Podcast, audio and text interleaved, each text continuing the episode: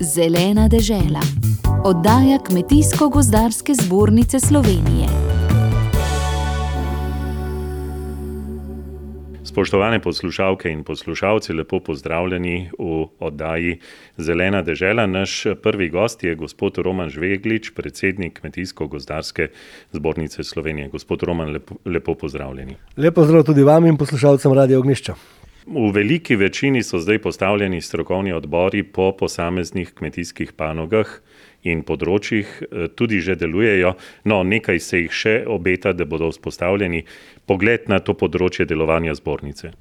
Ja, strokovni odbori so tista vez med zborničnim uradom, med vodstvom zbornice in med kmetje in med kmetijami, tako da nam dajejo usmeritve, poglede, tudi sektorske težave, ki so na tistem področju, da pač dajo svoje mnenje in to je naša usmeritev za, za delo. Kaj pričakujete od članov, vodij teh odborov? Ja, predvsem pričakujemo njihovo aktivnost, zavzetost, kajti več, ko bodo dali pobud, več, ko bodo dali predlogov, ne, več bomo imeli dela potem tudi v vodstvu zbornice in na zborničnem uradu in upam, da bomo potem tudi več stvari premaknili na bolje. Bi lahko rekli, da je to področje tista glavna moč, ki ga ima zbornica, z vsem svojim članstvom? To je ta zastopstvena moč, ne, se pravi na tem delu zbornice, ne, po drugi strani pa tudi vez med drugim, delom zbornice, to je tem tako imenovanem strokovnem delu, ne, da se seveda potem strokovnjaki iščejo določene rešitve za, na te probleme, kar so same organizacije proizvodnje, pridelave, predelave in nenazadnje tudi trženja.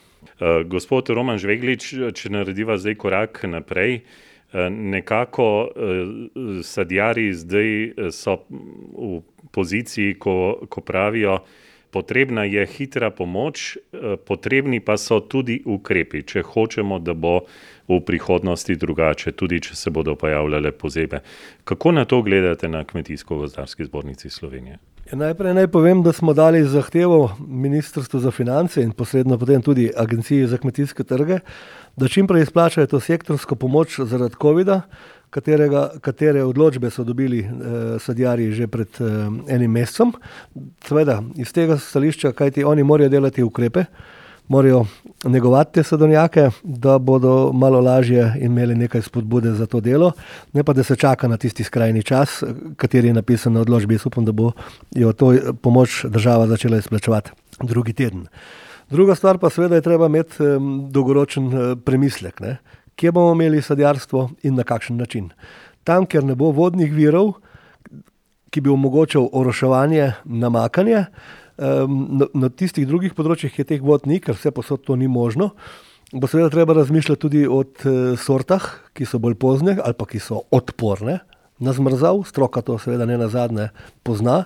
Nenazadnje bomo morali ugrizniti tudi v to jabolko, teh genetskih, spremenjenih, sort. Nujno pa seveda bomo mogli spremeniti, postopke za ta namakanja, oroševanje. Mi zahtevamo, da bi bil enoten zakon in se naj vzpostavi enoten zakon za namakanje in oroševanje, ki bi skozi en zakon dal vse te postopke, ne pa da bi moral, da morajo zdaj kmetje dajati na tri različne organe za pridobivati soglasje.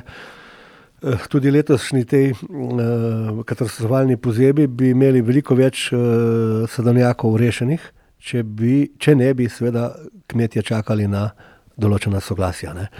To je seveda dolgoročno, in če bomo seveda, res pa je, da se to kmetje sami skozi prodajo jabolk ne morejo financirati. To seveda bo se država morala odločiti, ali je to strateško, mi smatramo, da pridelava sadja je strateškega, namena in je zato treba tudi seveda z ustreznimi ukrepi iz, skladov Evropske unije, iz finančne pomoči tudi sofinancirati.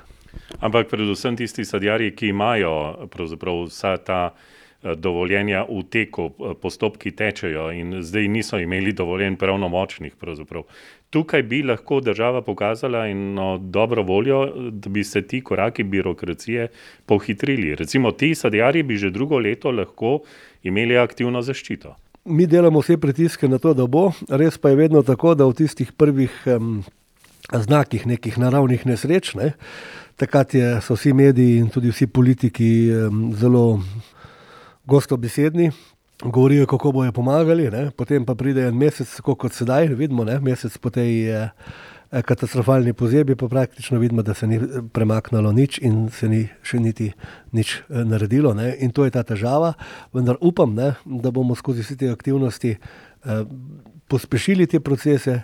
Eh, te postopke pridobivanja soglasij, da bomo, seveda, vsaj drugo leto, da bodo določeni sadjarji malo lažje spali in da, ne bojo, da jih ne bomo gledali, Eh, kako bodo zopet z nekimi primitivnimi napravami kurili, eh, se matrali iz obupa, čeprav vejo, da jim to ne bo pomagalo, ampak vse jim poskusili rešiti predelek. In to, kar smo zdaj gledali v, tej pozebi, moramo reči, da se jim lahko samo damo klubok dol, jih spoštujemo, te, te njihovi volji po obdržanju predelka. Nažalost, velikem ni uspelo. Marsikdo ima še lanski pridelek in marsikdo ga mora zdaj prodati. Eh, verjetno je zdaj tudi na nas, potrošnikih, da eh, zavestno izbiramo ta slovenski pridelek, ker bomo dali njim denar. Lete, sektor sadja je v izbrani kakovosti. Ta je posebej, posebej nadzorovan in tudi po posebnimi pogoji predelovanja kvaliteten. Zato kupce seveda pozivam, ne poglejte, ko, se, eh, ko kupujete sadje, poglejte za oznako izbrana kakovost Slovenije. Sezite po teh, eh, po teh jabolkah ali pa po teh sadežih, ne? kajti na ta način boste tudi pomagali slovenskemu sadjarju. Če zdaj, uh, gospod Roman Žveglič, pogledamo uh, malce na področje snovanja slovenskih ukrepov skupne kmetijske politike za prihodnje obdobje, veliko strahov se pojavlja predvsem na majhnih kmetijah, da bodo ostale odrezane od ukrepov skupne kmetijske politike v prihodnem obdobju. Stališče zbornice, kje postaviti mejo? Ne, v bistvu meja mora biti postavljena zelo nizko. Ne. Naše stališče je pa to, da je potrebno podpirati z, iz skupne kmetijske politike tistega kmeta, ki prideluje hrano, tistega, ki resno, pošteno obdeluje površine, ne špekulira in uh, prideluje hrano za na trg. Ne. Ta mora imeti posebno, posebno, posebno težo in tudi vse naše, naše aktivnosti so uperjene v to. Eh, ne glede zdaj, eh, kako je ta kmetija velika. Ne. Vemo pa, da so stopni pragi že sedaj tisti en hektar in tako naprej. Gospod direktor Janez Pirc, eh, nekako s tem je povezana tudi definicija aktivnega kmeta. Evropsko gledano še ni sprejeta, se še dogovarjajo o tem, kako na zbornici vidite to definicijo. Tudi na zbornici v preteklosti je bilo že nekaj na to temo diskusije, razprave. Eh, jaz verjamem, da bomo zdaj to nadaljevali. Ta definicija aktivnega kmeta, jaz mislim, da je to neka tradicionalna slovenska kmetija, ki prideluje hrano za trg. In eh, če želimo to samo skrbno eh, s hrano, domačo slovensko hrano povečati, moramo to definicijo postaviti na, na elementih, ki bo vključevala vse te naše slovenske kmetije, ki pridelujejo hrano in hkrati tudi skrbijo za podeželje, za obdelno Slovenijo, za naše druge elemente. In se pa bojim, glede na našo strukturo eh, kmetij, ki so, da bo ta prak eh, verjetno mogel biti dost nizek oziroma spremljiv za vse. Te kmete, ki se še trudijo in obdelujejo slovensko krajino, in hkrati skrbijo za delež samozkrbe s domačo zdravo hrano. Gospod Janez Pirc, če bi lahko, recimo, eh, veliko krat rečemo v Sloveniji, brez živinoreje ne moremo obdelati te naše krajine. Eh, tudi smiselno jo je preko živinoreje obdelati ne z mulčenjem in na drugačne načine. Ampak recimo, kaj kažejo podatki, kako je z velikostjo kmetij, kako je z velikostjo rej, recimo, mlade pitane živine? Ja, lejte, če pogledamo te podatke, ki jih imamo, se pravi v Sloveniji, se 16 tisoč kmetijskih gospodarstv ukvarja z rejo mlade pitane govedi. V povprečju pa to pomeni, da redijo 4,5 pitancev. In eh, če pogledamo podatek do 10 pitancev, redi 14 tisoč 500 kmetij. Se pravi, to je podatek, in, eh, ki, pome, ki bo pomembno vplival na definicijo aktivnega kmeta in bomo mogli pri tem eh, prisluhniti, eh, se pravi, vsem tem rejcem, tem kmetijam, da bomo lahko dosegli eh, cilje, ki se jih bomo zadali tudi v skupni kmetijski politiki. In pa tudi naš cilj, ki mora biti, se pravi, samo skrbnost povečati na področjih, kjer nam to pošteno škriple, in v bistvu tudi obdelanost krajine. Če se hočemo iti turizem, če hočemo iti se, tudi druge panoge, so, je ta obdelanost podeželja pomembna in hkrati se pa moramo zavedati, da ta aktivni kmet, ki že definicija pomeni aktiven, aktiven tudi tem, da nekaj da na trg, da pridela to, kar mi, vsak od nas, trikrat na dan rabimo, hrano. Verjetno pa bi bilo tukaj dobro se tudi nekako povezovati s podobnimi državami, recimo Avstrijo ali pa Bavarska, če tako gledamo. Verjetno oni bolje razumejo naše, naše težave in mi njihove, kot recimo severna Nemčija. ja, glejte, mi smo že nekaj bili aktivni tudi v tehle zbornicah vzhodnih, državah, lahko rečem, do, da v bistvu imajo različne poglede, ne. Posamezne države imajo različne poglede in, mislim, da bodo ta osnovna izhodišča Bruslja prepuščena potem nam, ne, posamezni državi članici. Vsekakor bomo to malo poanalizirali, pogledali rešitve, ki, ki se jih bodo poslužili, v drugih državah, severno ali pa kakorkoli od nas. je pa v bistvu vedno pa, potrebno pogledati tudi naš sistem, naše, kako bi rekel, evidence oziroma, tele elemente, na katere bomo mi to aktivnost vezali. Se pravi, dohodek, površina, obseg ali kakorkoli, ne. Več je teh elementov, ki pa mora biti, enak oziroma primerljiv v panogah. Gospod Roman Žveglič, v slovenskem prostoru je v zadnjem mesecu posebej slišati, da je ob zavzemanju za dobrobit živali treba še prej pomisliti tudi na dobrobit kmeta. Vse skupaj je povezano tudi z nemočjo, da bi rejci prišli do pravičnih cen za govedo. Večkrat v zadnjih mesecih sva že to govorila. Ampak stanje se ne izboljša. V zadnjih korakih te verige ostaja bistveno več kot na začetku, kjer delajo pod ceno, v minusu. No, zdaj, dobrobit, živali in nenazadnje dobrobit, kmeta sta tudi nekoliko povezana, ne. V tem primeru, ko imamo, bom rekel, pri živalih, prostere, izpuste, paše in tako naprej, imamo tudi malo manj dela kot, kot rejci, ne. Res pa je, da okoli te vezane reje se zdaj zelo veliko govori, in, velika razprava je, da na ravni Evropske unije ni pripravljena nobena, nobena direktiva, ki bi prepovedovala vezano rejo. Se spodbuja s posameznimi ukrepi, ne, kot dobrobit živali, tako da je v, v tem smislu mislim pa, da tudi sama ta naša velikost in da, majhnost ali pa, bom rekel, ne, kmetij, ne velikost, bo še vedno držala in imela in tudi morala imeti izjemo, tudi če bi do kaj takega prišlo, da ima seveda lahko, vezane, privezane živali. Kajti drugače niti ne more to narediti, tudi objekte je težko prilagoditi ali pa, ali pa praktično nemogoče.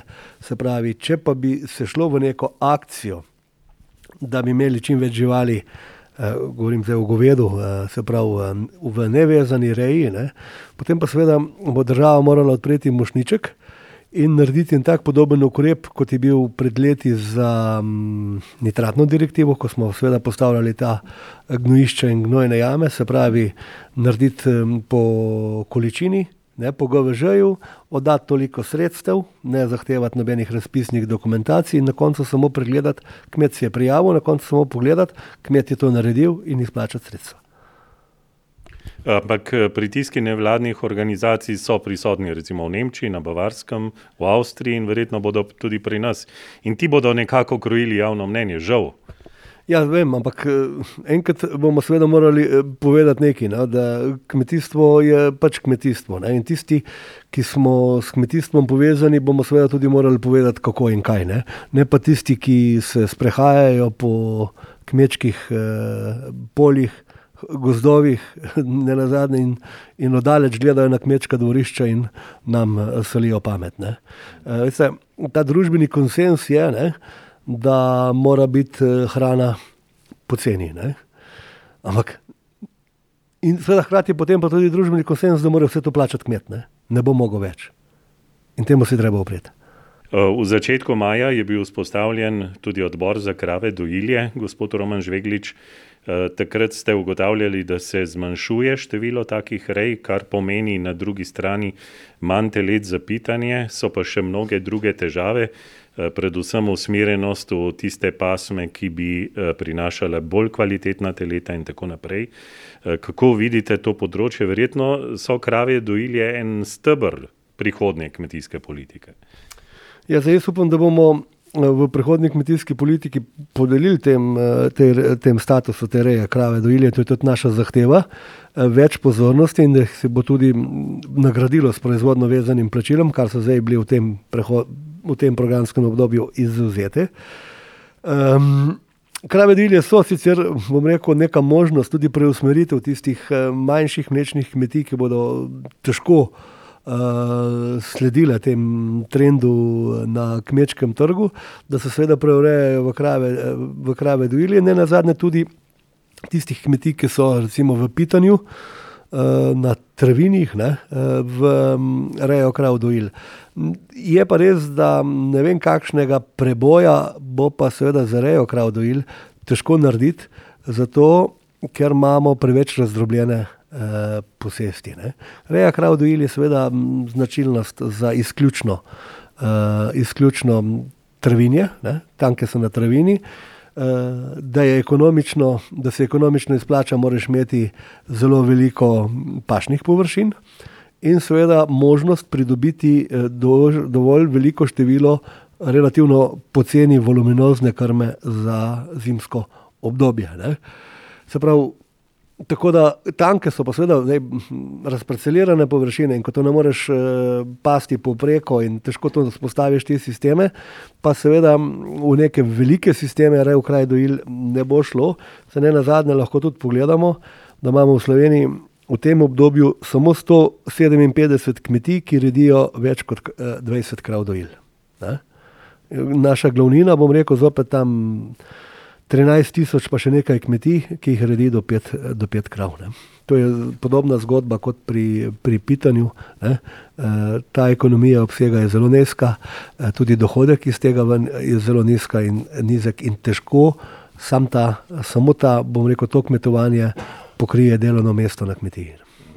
Ja, verjetno bo to en zelo velik izziv. Eh, veliko grenkobe pa je tudi ob izjemno majhnem izplenu sredstev tako imenovanega načrta za okrevanje in odpornost za področje kmetijstva. Eh, mnogi projekti, ki so se pripravljali, so obetali precejšnje razvojne korake. Zdaj bo sredstev zelo malo, verjetno jih bo malo tudi zaživelo. Kakšno je stališče zbornice, gospod Roman Žveglič? Ja, kot sem že povedal, um, najprej moram povedati, eno veliko razočaranje nad uh, višinjo sredstev in seveda tudi nad naborom ukrepov, kateri naj bi bili v, kmetijsk, v kmetijstvu. Kmetijsko-gozarska zbornica je bila na začetku, se pravi v lanskem oktobru, povabljena. Naj pripravi čim več či nabor ukrepov in čim večji način. Eh, kaj bi bilo dobro, naj se že pripravlja kar z um, projekti, kajti to bo denarja zelo veliko ne? in bo to uh, kmetijstvo naredilo boljšo odpornost, izhod iz krize, to zeleno komponento in tako naprej. Ne? In seveda vse to smo delali in pripravili in cel kup nabor ukrepov, ga ovrednotili z višino 330 milijonov. Naj povem, da tle notor so bile predvsem eh, možnosti, se pravi, sofinanciranja namakanja, ogrevanja, eh, postavitev rastlinjakov, steklenjakov, se pravi, kratke prodajne eh, poti, potem skladiščnih kapacitet za žita.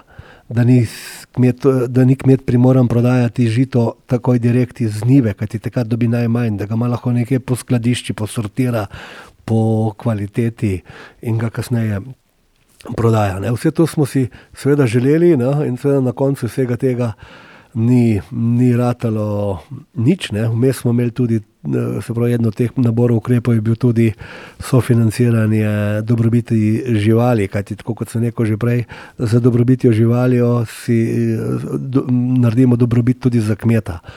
Uh, rejca živali. No, in vsega tega zdaj ni bilo, moram reči, nič, ne? ampak zakaj ni bilo tudi nič, moram pa tako povedati To smo takrat pripravili, poslali, ampak od takrat naprej nas ni pa noben, po domače povedano, tudi povohal. To se je potem delalo na enih drugih nivojih.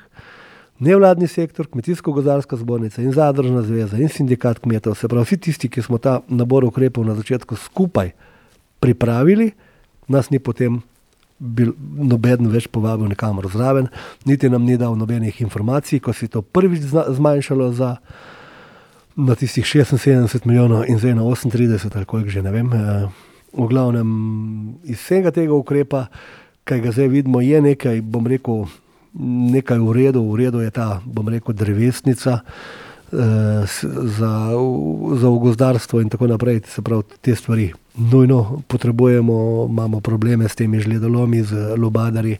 Mi rabimo spostavljati uh, sadike, mi moramo gledati uh, tudi na obnovo uh, gozdarstva. Rekel, to je edini tak, tak ukrep, ki, ki je tisti, ne, ki, ki bo zaživel, ki bo nekaj doprinesel. Vse ostalo, to e-kmetijstvo in tako naprej, ne, tudi to rabimo. Se pravi, rabimo združiti podatkovne baze, rabimo posodobiti, digitalizirati, da imaš podatke vem, na enem mestu in tako naprej, tudi za kmete, tudi za javno službo v kmetijskem svetovanju. Ampak na koncu ne, od tega okrevanja in odpornosti v kmetijstvu iz tega COVID-a in iz teh projektov ne bomo išli nič bolj odporni in nič bolj okrevani. Ampak se vam zdi, da je še moč, moč kaj narediti, ali je to zaključena zgodba? Ne, ta zgodba je pač poslana v Bruselj. Tudi tista silna cifra, ki je bila na začetku govora o desetih milijardah, ne, je zdaj prišla vem, na slabe dve milijarde in pol. Ne, da, kako si je pač, zakaj si na takšen način država odločila, zakaj je izločila kmetijstvo, zakaj so.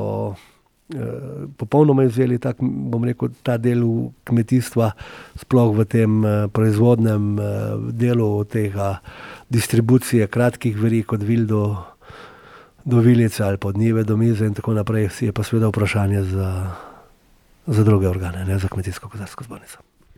Gospod Roman Žveglič, hvala lepa za tale pogovor in gospod Janez Pirs, tudi vam hvala lepa za pogovor, pa vse dobro.